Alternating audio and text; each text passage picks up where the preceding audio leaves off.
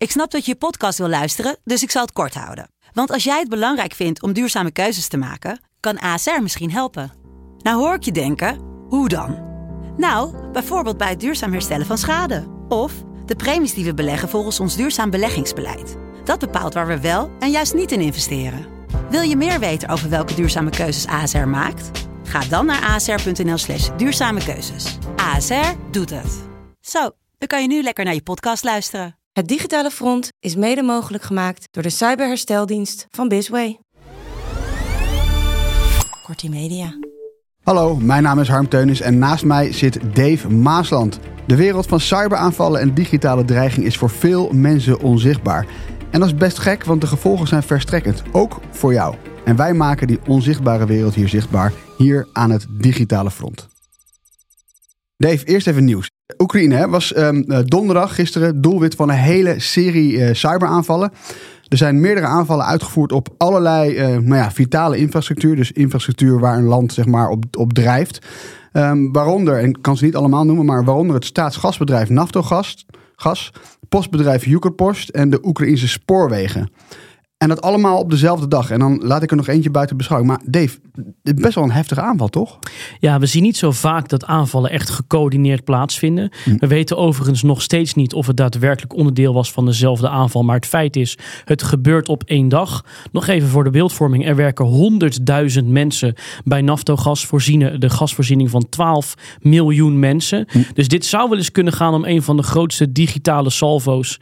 Uh, digitale raketaanvallen die we gezien hebben op vitale infrastructuur sinds de start van de oorlog. Dus er is nog veel onduidelijk. Ja. We blijven dit volgen, maar het zou wel eens heel heftig kunnen zijn. En mocht het heftiger worden, dan bespreken we het denk ik zeker in de volgende aflevering van Precies. het Digitale Fonds. Precies. Um, Dave, we gaan het vandaag toch een beetje anders doen. We gaan namelijk een vraag van de luisteraar even aan het begin stellen. En dan gaan we daarmee de, de uitzending een beetje ja, neerzetten. Dat is ah, een we beetje gaan de luisteraars pleasen. Zeker, zeker. Daar, daar zitten we wel voor natuurlijk. Ja, eens. Okay. Uh, en een beetje omdat we het gewoon zelf heel leuk ja, vinden. Natuurlijk. Ja. Uh, deze vraag is van, uh, van Mikkel. hij zegt, um, ik hoor alsmaar dat diverse Russische hackgroepen enorme impact hebben en in de wereld van cybercrime grootste dingen doen. Mijn vraag is, zijn de Russen nou zoveel kundiger dan de cybersecurity experts in het Westen? Of zelfs beter dan de westerse hackers dat het ze iedere keer weer lukt? En kunnen wij daar nou niks tegenover zetten? Nou Dave. Ja, dat is een hele mooie vraag. En we hoeven niet moedeloos te worden. Laat ik dat voorop stellen. Uh, er zijn een aantal dingen aan de hand waarom ik dit een hele leuke vraag vind. Ik hoop dat uh, Mikael wellicht de aflevering van vorige week heeft, van twee weken terug heeft geluisterd. Dat gaat over Stuxnet, de aanval op het Iraanse kernprogramma. Ja. Uh, laten we even terugspoelen in de tijd dat dat computervirus al in 2004 ongeveer in ontwikkeling is geweest door westerse inlichtingendiensten in 2007 is gelanceerd. Mm. Dat is bijna 20 jaar geleden dat westerse inlichtingendiensten misschien wel de meest complexe aanval ooit hebben gelanceerd en daadwerkelijk bijna uh, uh, het kernprogramma helemaal hebben stilgelegd. Stel je eens voor, 20 jaar nu, waar de westerse inlichtingendiensten nu toe in staat zijn. Ja.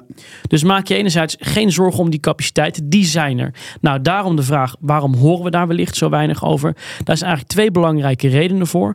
Uh, de eerste reden is, is dat het Westen daar niet zoveel belang bij heeft. Dat dat allemaal in het nieuws komt. Mhm. Um, om het simpele feit dat je je tegenstander dan eigenlijk meer informatie geeft. Uh, dus ja, die operaties zijn per definitie minder, minder gewild om naar buiten te brengen. Maar de andere kant is ook dat veel van deze aanvallen worden bekendgemaakt door cybersecurity bedrijven. Omdat zij met hun producten sensoren hebben bij bedrijven. Namelijk als onze software daaruit kunnen we zien wanneer er een aanval plaatsvindt. Heel veel van die software draait niet in landen die onder sanctie staan. Dus Microsoft of ESET, wij, wij hebben geen sensoren in Noord-Korea of in Iran of ergens anders. Dus wij hebben heel weinig zichtbaarheid ook op wat er daar in die landen gebeurt. Ja, ja. Dus je ziet het niet. Er is weinig belang om het naar buiten te brengen. Maar reken er maar op. En ook als je kijkt naar de National Cyberpower Index. Uh, Nederland op 6, Amerika met stipt nog steeds op 1 qua krachten. Dat het Westen heel veel kan. Alleen ja, het komt lang niet altijd naar buiten. Ja, en ik snap natuurlijk de vraag wel, de dreiging is reëel. Dat zien we natuurlijk door de actualiteit. Uh, de grote aanval van Rusland op Amerika Amerika. In dit geval hebben Russische hackers Microsoft gehackt. En hebben ook daadwerkelijk daarbij uh, e-mail meegenomen van het topmanagement van het bedrijf. Ja. En je ziet dus ook dat ze ja, ondanks de oorlog in Oekraïne ook kiezen voor een aanval daarbuiten. En dat is niks nieuws, want de groep die hierachter zat, heeft al veel eerder in Amerika de verkiezingen geprobeerd te dwarsbomen. En wij als Westen, Westen uh, als inlichtingendienst uit het Westen, hebben daar ook wat tegenover gezet. Dus ook om daar weer op terug te komen bij Mikael, kunnen we laten zien dat we zeker niet kansloos zijn. En dat verhaal is ook echt heel boeiend om te gaan uh, vertellen. Ja, dus die vraag van Mikael is eigenlijk een soort van rode draad door de uitzending. Bedankt, we gaan die vragen. Ja, top toch? We gaan die vraag uitgebreid behandelen. Um, en we bespreken ook de invloed van dus die Russische hackers op de Amerikaanse verkiezingen. En hoe groot de kans is dat deze groep Nederland hackt. En wat dat dan betekent voor jouw veiligheid. En natuurlijk gaan we bellen met onze sponsor Bart van BSW BV. En we eindigen de aflevering zoals je van ons gewend bent met twee uitstekende cybertips. Oké, okay, Dave, laten we eerst uh, setting the stage, zoals ze het zo mooi zeggen in de, in de filmwereld. Laten we eerst even luisteren ja. naar wat er het afgelopen weekend is gebeurd. Microsoft, het grootste techbedrijf ter wereld, is maandenlang geïnfiltreerd door hackers. Remco. Klopt, ze zijn de slachtoffer geworden van een bekende hackersgroep onder de naam Midnight Blizzard. Drie maanden lang konden de hackers rondsnuffelen in de mailaccounts van de top van het bedrijf. Ja, Dave, dit was uh, uit een item van één vandaag. Um, zij hebben jou ook gebeld voor, voor het ja. artikel wat hierover geschreven is. Zullen we eerst even um, uit gaan leggen, wat hebben de Russen nou precies gedaan? Want hè, we, we, we schrijven dit toe aan Rusland. Maar wat is er gebeurd?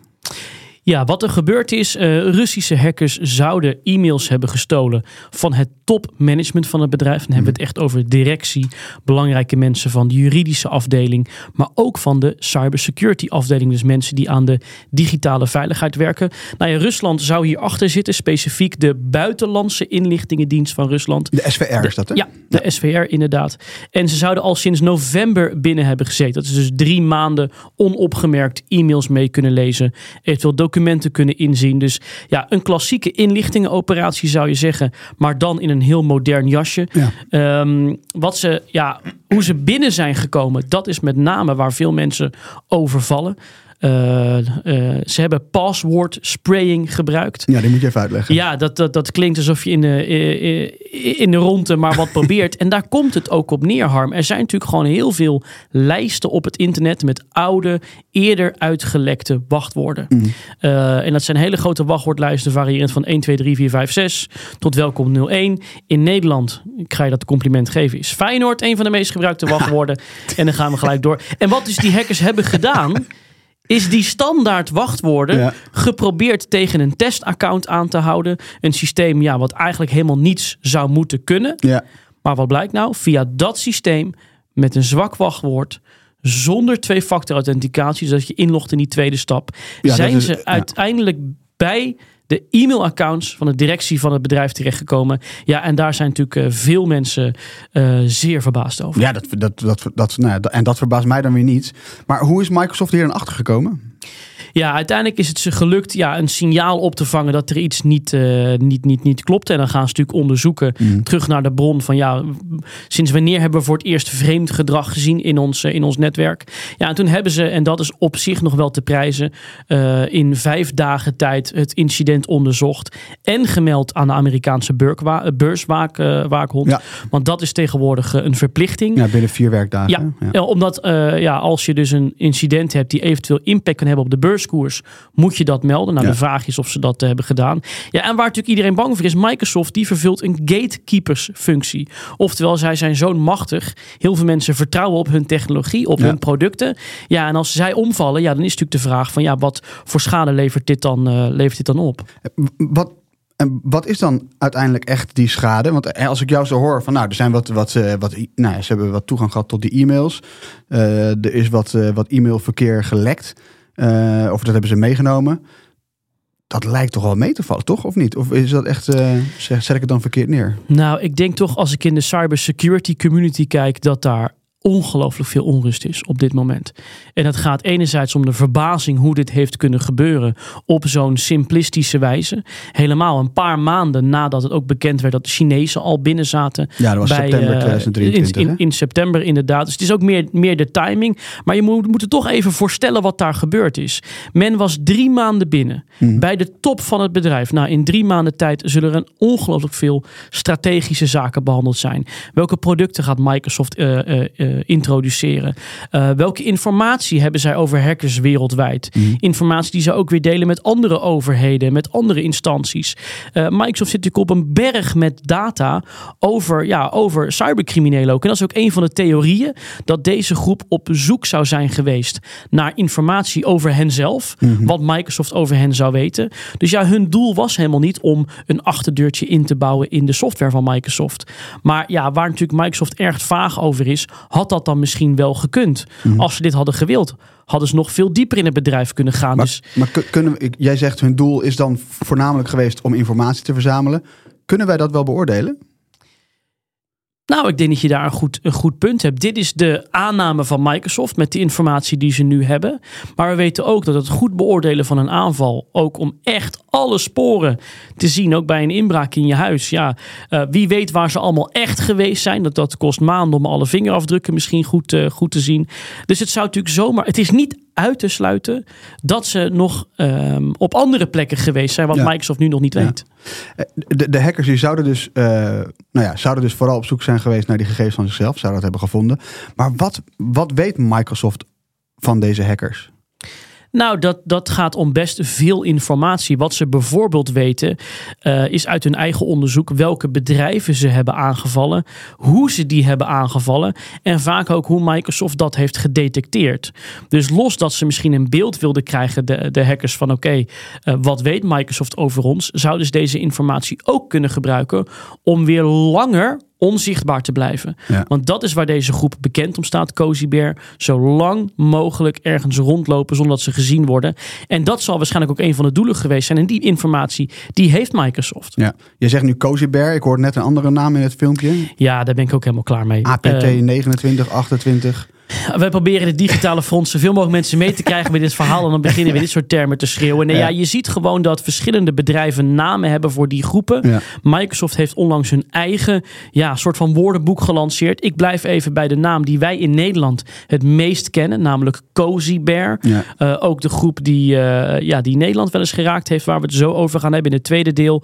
Eh, maar dat is denk ik even de, de naam die we moeten gebruiken. Cozy Bear. Nou, ehm, Klinkt haast ver, verre van Cozy, maar ik, ik, hè, nu is dus de top van het bedrijf van Microsoft. eh, hebben ze dus onder andere die e-mails van in kunnen zien. Is misschien ook een beetje ver van, van je bedshow voor mensen in Nederland. Als in mijn vader en moeder, eh, Ja. willekeurige gebruikers van Microsoft producten. Heb je vragen gehad van mensen om je heen of niet? Nog niet, maar die, die ga ik gewoon Ja. gegarandeerd krijgen. Ja. En daarom de vraag, wat betekent dat voor hen? Zijn hun gegevens ook gejat? Moeten ze daar bang voor zijn? Moeten ze... Ja, dat was de eerste vraag van één vandaag ook. Hè. Ik denk dat we altijd op moeten passen. Ik denk niet dat er nu reden is voor paniek. Nee. Dus dat de diensten van Microsoft gehackt zouden zijn en mensen moeten stoppen met het gebruik van dit soort producten. Laten we niet vergeten dat Microsoft ook ontzettend veel resources heeft om zich te verdedigen. Ehm, alleen het is gewoon niet uit te sluiten dat op termijn er toch meer informatie naar buiten komt. Waardoor het misschien wel blijkt ja, dat men wel bij bepaalde eh, diensten is geweest of wat dan ook. Ja. Maar eh, geen reden tot paniek, maar waakzaamheid. Wat ik ook eh, daar zei, is denk ik altijd slim. Ja. Om gewoon altijd even op te letten of er extra vreemde phishingberichten binnenkomen, et cetera. Maar verder dan dat als consument hoef je denk ik nu niet in paniek te raken. Eh, Wat jij net vertelde hè, over hoe het in de publiciteit is gekomen. Hè. Ze hadden dus die 8K-filing, waarin ze dus aan Ja. beleggers moeten duidelijk maken dat er iets aan de hand is, dat er risico is. Nou was er gisteren nog zo'n bericht, maar dan van een ander techbedrijf, HP, Hewlett Packard. Ehm, zij maakten ook bekend dat ze gehackt zijn. Hun cloud e-mailsysteem zijn gehackt.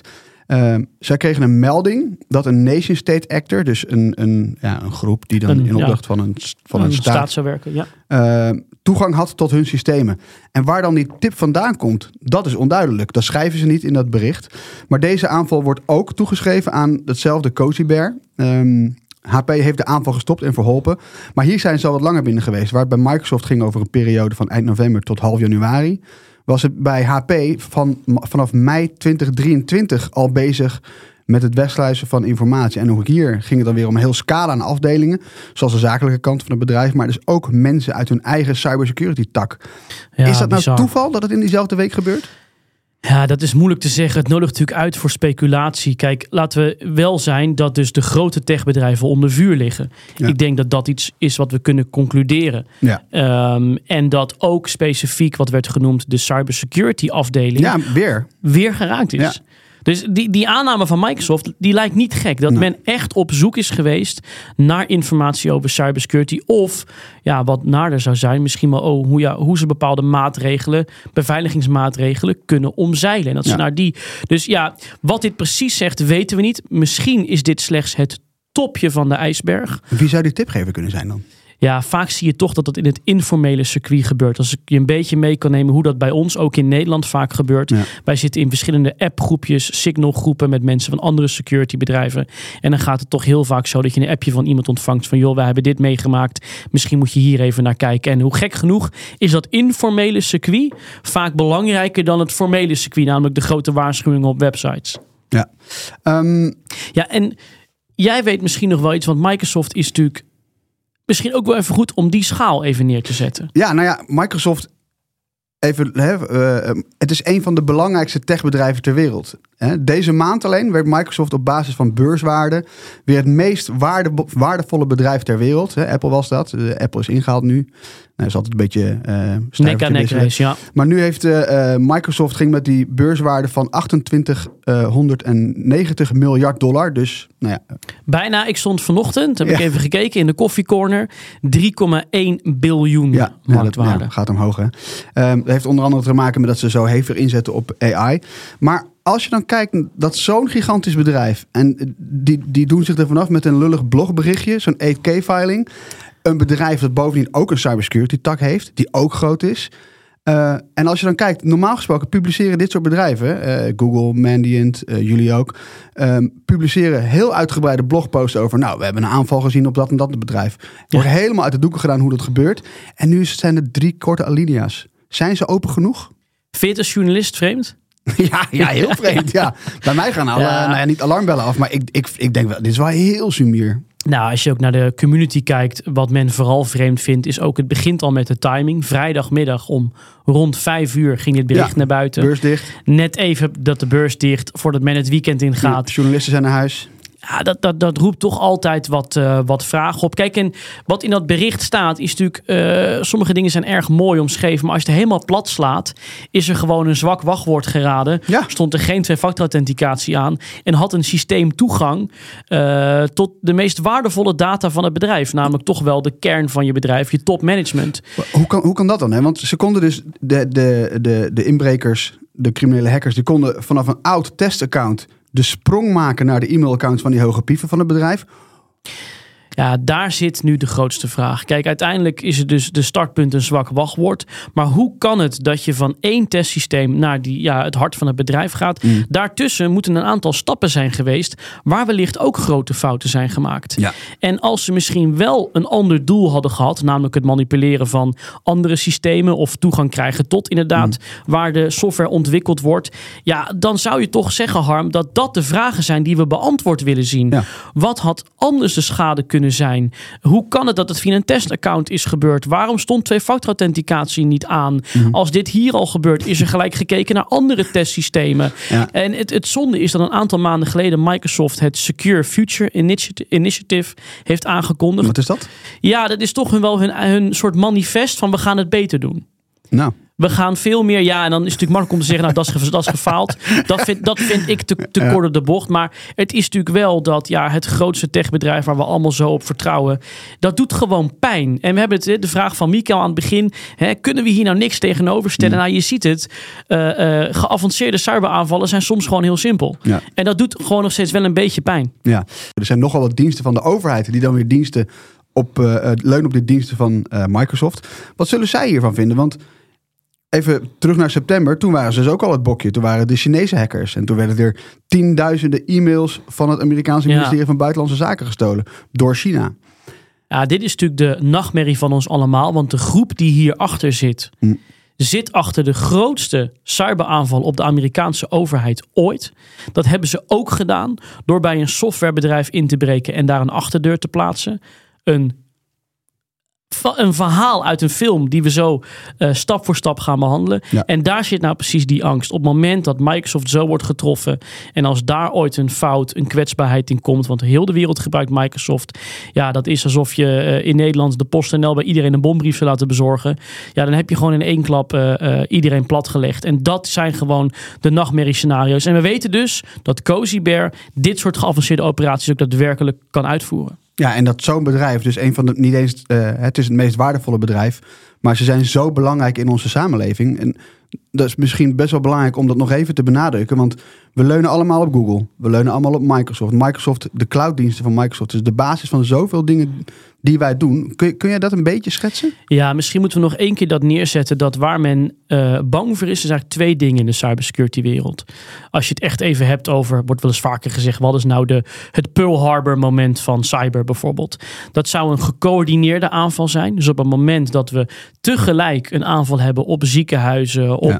treinstations, op uh, het wegennetwerk, dat eigenlijk het, het land uh, wordt, wordt platgelegd, of misschien wel in, in de wereld. De andere kant is, is als er laten we zeggen, een soort systeembedrijf wordt aangevallen.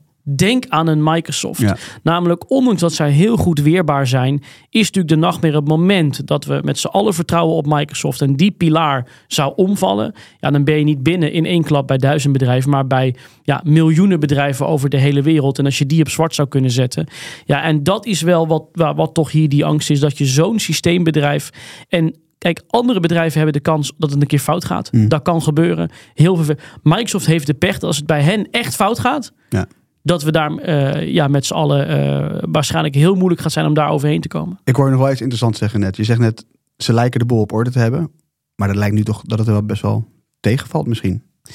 Nou ja, het is gewoon een les voor ons allemaal dat het is onmogelijk om alle digitale hygiëne dingen goed te doen. Je gaat altijd ergens dat ene systeem hebben waar je even niet aan dacht. Waar je echt dat van bent vergeten. Hm. En als het, ik zou het ook eerder omdraaien. Als Microsoft het al niet lukt, gaat het ons allemaal niet lukken. Dus we leven gewoon in een tijd, totdat AI heel veel dingen gaat oplossen.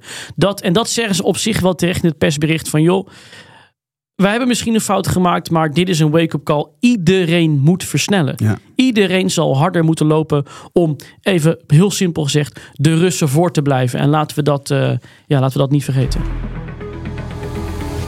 Straks hoor je wat deze hackersgroep nog meer van plan is en wat dat betekent voor Nederland en natuurlijk voor jou en mijn veiligheid. En wat heel interessant is, is dat de AIVD deze groep heel erg goed kent. Hoe dat zit hoor je dus straks. Maar nu eerst tijd voor onze vaste rubriek Bellen met Bart van Bisway BV, onze sponsor en vriend van de show. Hij is weer even op afstand, maar Bart die helpt bedrijven uit de problemen die last hebben van digitale aanvallen en neemt ons iedere week mee letterlijk naar het digitale front. Dus Bart, weer even op afstand, maar vertel, wat heb je deze week meegenomen? Ja, nou, we hadden, jullie hadden het er al even over. Uh, zelfs een groot IT-bedrijf als uh, nou ja, Microsoft kan dus gehackt worden. Ja, Dave, vraag je aan jou. Oh. Welke beveiligingssoftware denken wij dat Microsoft uh, gebruikt? De rollen zijn omgedraaid. nou, ik denk Bart, ik ga er eigenlijk vanuit Ja. dat ze die van Microsoft zelf gebruiken. Ja, precies. En dat is natuurlijk maar een beetje een probleem. Want de digitale criminelen gingen er vanuit, is onze aanname, dat ze hun eigen software wel zullen gebruiken. Um, ja, dus vermoedelijk hebben de digitale criminelen iets ontwikkeld. waarbij ze bij Microsoft ongezien binnen konden komen en rond konden kijken. Want ja, uh, ze kwamen wel binnen, dat is duidelijk. Dus de vraag is dan altijd aan Bart: jij ziet dat, je analyseert dat. Maar wat is jouw tip? Wat is de weg vooruit? Ja, het belangrijkste is dat je op tijd ziet dat die crimineel heeft ingebroken in je systeem. Dus rond het kijken is. Hè. Ik blijf dat gewoon elke keer herhalen, want dat zijn echt de belangrijkste elementen. Zie je dat er iemand rondloopt. Uh, dan kan je namelijk op tijd iemand eruit gooien. Voordat ze bijvoorbeeld met ransomware en allemaal andere enge dingen zoals datakopiëren aan de gang gaan. En het klinkt altijd heel mooi en die vraag krijgen we ook wel eens. Hoe, hoe doe je dat nou precies? Hoe werkt dat? Nou, het beste kan je een mix nemen van beveiligingsmaatregelen. Dus je zet op verschillende type apparaten, zoals bijvoorbeeld verschillende type antivirus. Een hacker gaat namelijk kijken welk antivirus jij hebt geïnstalleerd of doet een aanname, zoals bij Microsoft. Nou, die zullen wel Microsoft antivirus gebruiken. En wat ze dan doen, is ze gaan samen met die ontwikkelaars, gaan ze kijken van kunnen we die software omzeilen. Ehm, maar wat natuurlijk de bedoeling is, is dat je het onvoorspelbaar maakt. Dus als je bijvoorbeeld van een desktop doorstapt naar een server en daar staat wat anders op, dan is de kans vrij groot dat die crimineel gedetecteerd wordt. En dan weet je dus dat iemand in je systeem zit. En dan nog even één keer. Hoe zit dit dan bij Microsoft? Wat is daar dan precies misgegaan en wat hadden ze hiermee te maken op die manier? Nou, we denken dus dat Microsoft gewoon zijn eigen software gebruikt. Die aanname, nou ja, die, zal niemand ontkennen, denk ik. En we denken ook dat hackers daar al een aanname bij hebben gedaan. Uh, maar wat Microsoft misschien beter had kunnen doen, en nou ja, bijvoorbeeld een Apple antivirus. Ik heb geen idee of het überhaupt bestaat of Apple zijn eigen antivirus heeft. Maar het gaat erom dat je het onvoorspelbaar maakt voor de hacker, waardoor die met een digitale zoektocht misschien wel tegen iets onverwachts aankomt en gedetecteerd wordt. Kijk, dit is nog eens een strategische tip. Denk in lagen, denk in verdedigingslagen en maak het ook onvoorspelbaar, juist in zo'n grote organisatie. Bedankt Bart, tot volgende week met een nieuw verhaal vanaf het digitale front. Oké Dave, we gaan, uh, we gaan het weer even hebben over Cozy Bear en de hack op Microsoft. Wat weten we over Cozy Bear? Nou, Cozy Bear is echt een spionagegroep gelieerd aan de Russische inlichting en veiligheidsdienst, vooral de buitenlandse inlichting en veiligheidsdienst. In tegenstelling tot Sandworm, die onderdeel is van de Russische militaire inlichting en veiligheidsdienst, richt uh, Cozy Bear zich echt op spionageoperaties. Ja. En Sandworm was, was die groep die onder andere verantwoordelijk is voor de aanvallen op de energiecentrales. Ja, hè? exact. exact. Um, uh, Cozy Bear richt zich met name op de overheid, defensie en uh, commerciële organisaties. En zij hebben nogal een indrukwekkend cv. Als je dat zo even op een rijtje zet. In 2015 onder andere verantwoordelijk op een hack op het Pentagon. Ja. In 2016 misschien wel een van hun meest beroemde hacks. Uh, een aanval op de Democratische Partij. Waar ze een jaar lang binnen zaten. Samen met een andere groep uit Rusland. Ja. Die waren toen nog daar binnen aan het vechten. Gaan we Fancy misschien- Bear, toch? Inderdaad, met de andere beer. De andere beer. Nou ja, goed, die laten we nu even buiten beschouwing. Uh, in 2017 hebben ze verschillende ministeries in Nederland aangevallen. In 2020 hebben ze hun meesterwerk tentoongesteld. Ik moet het gewoon zo noemen. En die gaan we zo nog even kort doornemen. Hun SolarWinds aanval, wat resulteerde in de grootste spionageaanval op de uh, Amerikaanse overheid ooit. En nu dus in 2023 de aanval op Microsoft. Oké, maar jij zegt net meesterwerk. Daar klinkt uh, een soort van bijna een soort van respect in door. Door het een meesterwerk te noemen? Ja, ik zal een disclaimer inbouwen. Omdat we natuurlijk zien dat uh, ja, de inlichtingen die met sommige aanvallen worden verzameld, worden gebruikt voor de meest verschrikkelijke dingen. Rusland Ja. is nog steeds een agressor en daar moeten we denk ik uh, voor oppassen in deze podcast. Maar als ik even puur de cyberbril opzet, hebben ze een aanval uitgevoerd die als er iets bestaat zoals een perfecte cyberaanval, dan is het hen bijna gelukt. Ja.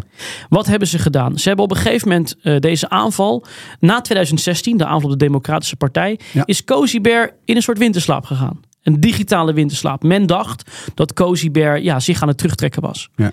Maar wat bleek nou? Ze waren zich jarenlang aan het voorbereiden op hun meesterwerk. Namelijk de aanval in 2020 op SolarWinds. SolarWinds is een bedrijf dat gebruik je een stuk software om uh, uh, computers op afstand te kunnen besturen. Om updates te installeren. Hele grote bedrijven gebruiken die software zodat ze hun IT-omgeving in de gaten kunnen houden. Ja. Dus er hebben daar een aantal mensen aan tafel gezeten in Rusland. In 2016 hebben gezegd: hoe zorgen we er nou voor dat we in één klap bij alle grote bedrijven in Amerika binnen zijn? En dat we meteen ook op de juiste plaatsen zijn. Namelijk dat we vanaf daar bepaalde systemen kunnen aansturen. Dingen kunnen uitschakelen. Dingen kunnen uitschakelen, dingen kunnen meenemen. Nou, zo zijn ze uiteindelijk erachter gekomen om dat bij SolarWinds te doen. Dat wordt gebruikt door Microsoft, Cisco, Intel, Mandiant, alle overheidsinstanties in Amerika. Nou, het is ze dus gelukt om bij SolarWinds uiteindelijk zelf binnen te komen. Ja. Dus bij het bedrijf om vervolgens zo diep toegang te krijgen tot hun systeem dat ze een achterdeur hebben ingebouwd in de software.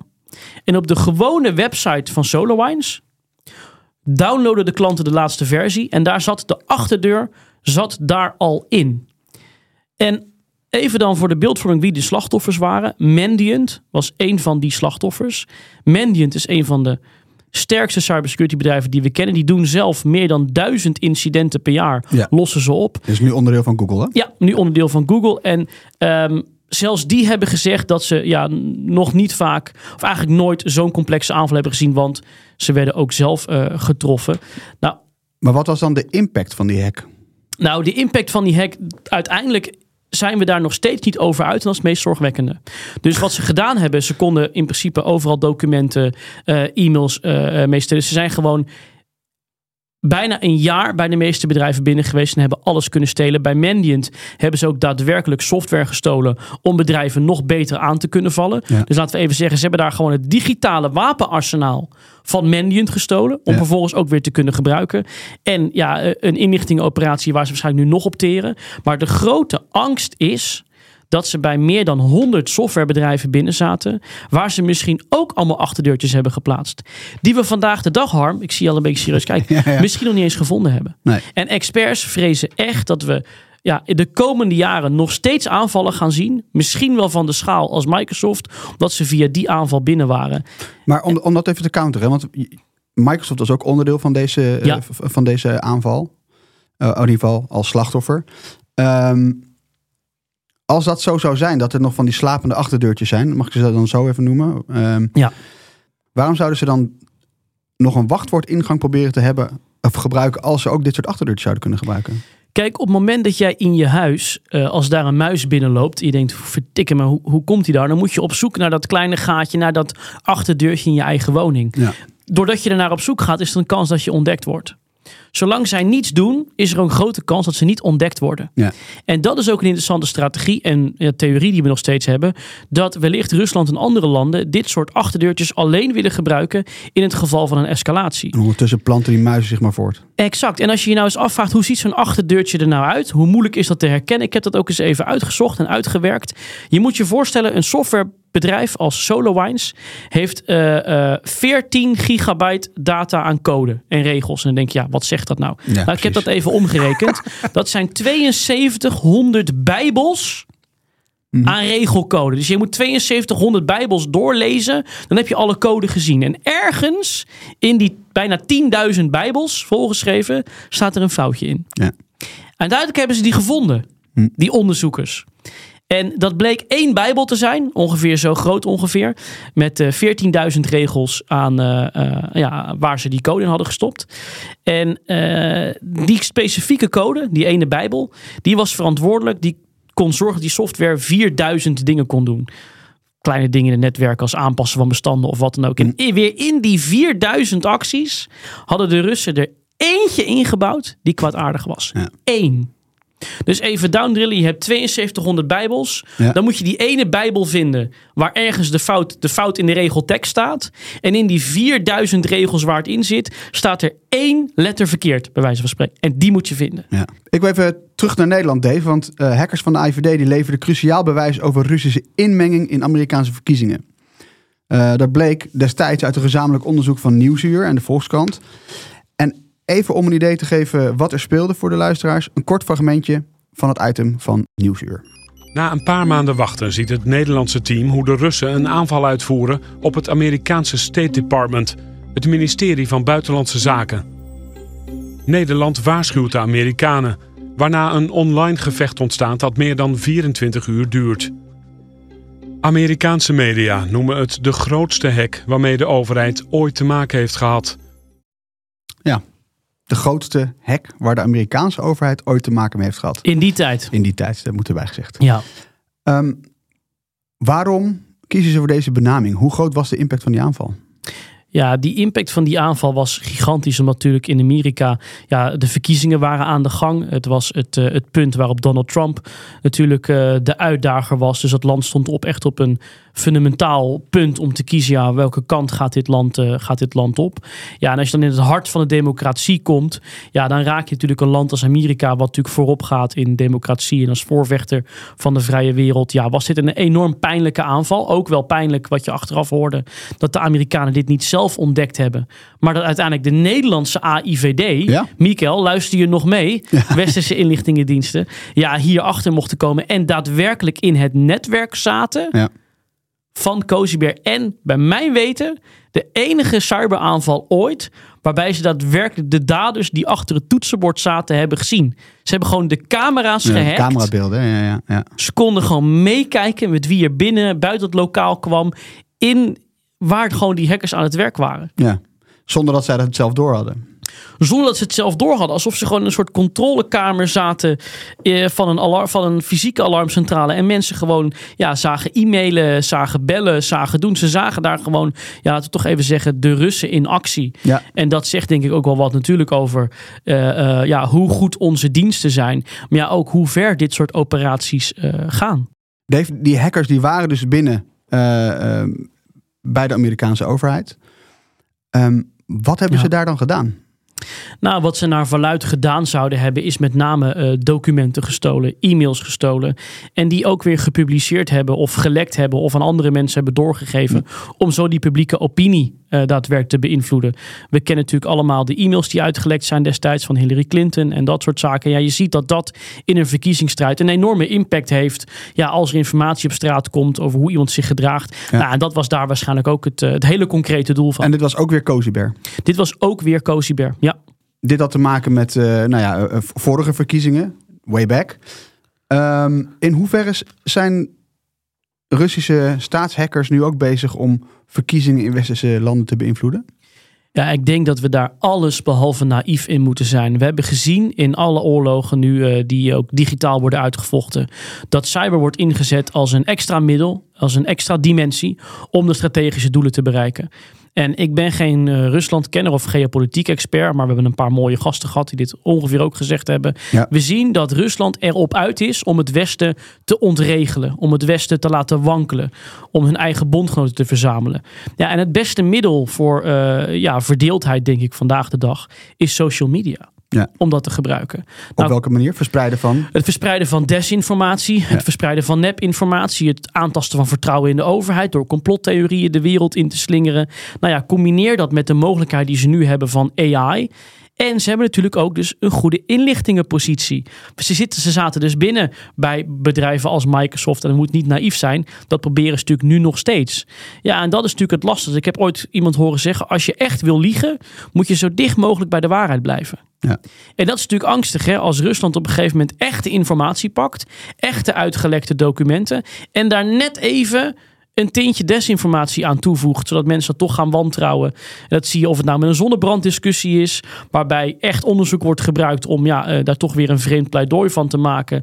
Ja, en ik denk ook dat wat Cozy Bear heeft laten zien, dat de mate waarin zij onopgemerkt kunnen blijven, ja, dat dat voor elke democratie in het Westen echt wel een, eh, een waarschuwing is. Nog heel belangrijk, Dave. ehm, hoe groot is de kans dat deze groep, Cozy Bear, in Nederland toeslaat? En, en wat betekent dat dan voor, voor jouw veiligheid, voor mijn veiligheid?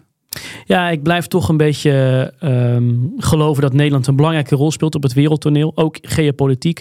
We hebben hier het internationaal strafhof in Den Haag, wat een belangrijke rol speelt. We zijn de doorvoerhaven naar Europa als er ooit een grootschalig conflict komt. Dus Cozy Bear heeft alle reden, dat hebben we ook gezien in 2017, dat ze Nederlandse ministeries hebben, eh, daadwerkelijk hebben aangevallen. Ze zijn op zoek naar informatie over vervolging, wat we hier uitvoeren vanuit Den Haag. Ze zijn op zoek naar informatie over MH17. Ze zijn op zoek naar draaiboeken over wat we hier doen als er grootschalige oorlog uitbreekt. Ja. En dat doen ze natuurlijk ook vaak door het inbreken bij simpele medewerkers. Zoals jij en ik in een organisatie eh, om daar te starten. Dus Ja. ik denk dat het voor de veiligheid van mensen. Ja, we zijn allemaal, hebben we de kans om de sterkste schakel te zijn. Om als je iets vreemds ziet, als je iets raars ziet, dat ook gewoon te melden in je organisatie. Ja, en uiteindelijk eh, onze nationale veiligheid, het veilig houden van onze instanties. Het ja, blijven geloven in onze democratische waarden. Ja, dat is natuurlijk uiteindelijk het echt grote verhaal waar het hier om gaat. We eindigen altijd met een inspirerende noot. Ik niet dit keer. Oh. Nou. Maar dat mag, dat mag ook wel een keer. Ja, tuurlijk. Moet, maar het moet zelfs een maar wat keer. is je tip? Ik heb geen tip. Ik heb wel een tip, maar ik heb ook een waarschuwing. Oh. Wij hebben afgelopen week een eh, goede privérelatie van ons. Helaas eh, heeft hij ons opgebeld, mij en mijn vriendin. En haar dochter is negen jaar oud en is slachtoffer geworden van grooming. Eh, Negen jaar oud? Negen jaar oud. Ehm, en helaas ook met foto's, met filmpjes. Eh, En over en grooming weer. is- Grooming is inderdaad een vorm waarbij eh, vaak een volwassen man het vertrouwen wint van jonge kinderen. Ja. En nadat hij, dat hij het vertrouwen gewonnen heeft, dus groomen, langzaam en voorzichtig, uiteindelijk eh, overgaat tot seksuele handelingen, het uitbuiten van eh, foto's, filmpjes, het chanteren daarmee. Eh, ja, en zeker omdat het eh, een, een, een kind van negen jaar oud is, moet ik echt zeggen, ik heb dankzij eh, mijn contacten bij de politie gezien weer van binnenuit hoe serieus ze dit oppakken. Ja. Wat ik nooit wist is dat ze verplicht zijn bij zedenmisdrijven, zeker van deze categorie, om altijd actie te ondernemen. Dus denk nou niet dat die onder op de stapel belandt, want dat mag bij dit soort misdrijven niet. Nee. De politie moet opvolging geven. Zelfs deze dader zegt tegen haar dat hij 15 is. Dus ik zei tegen de politie, nou hij zal 15 zijn, dan zal het wel niets, niet niets kunnen gebeuren. Nee, zegt de politie, zelfs als iemand 15 is, boven de 12 kan je er wat mee. Ja. En zullen ze misschien deze dader niet kunnen vervolgen, maar wel kunnen aanspreken. En de tip die ik alle ouders mee wil geven, verzorgers, mensen met neven en nichtjes. Je moet allemaal zelf weten hoe je digitale middelen inzet. Geef ze wel iPad, geen iPad. Daar ga ik niet over. Maar bedenk wat ouderlijk toezicht voor je zou kunnen doen. Dat zijn bepaalde apps die je op je telefoon kan instellen, soms op de, op de tablet zelf, waarbij je niet zozeer je kind hoeft te monitoren wat het doet, maar je kan signalen krijgen. En met die signalen, dus je ziet, hé, hey, mijn kind zit op Tinder, Snapchat, of hé, hey, mijn kind zit buiten werktijden of buiten schooltijden of tijdens schooltijd. En je kan het gebruiken om het gesprek aan te gaan. Ik wil echt wat ik weer gezien heb in die verschrikkelijke gesprekken. Praat met je kinderen erover. Ja. Vraag gewoon eens, zonder ze uit de hand te ritselen misschien van... joh, met wie praat je, met wie ben je bezig? Controleer het even, want helaas, ik ben met de cijfers bezig.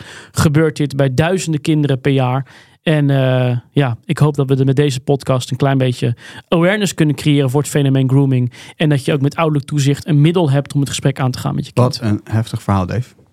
Ehm, ja, ik, ho- ik hoop dat, dat, eh, dat dit gaat Ja. helpen, deze oproep Ja. om... eh, om, om Dus nu ga jij het ombuigen naar iets inspirerends.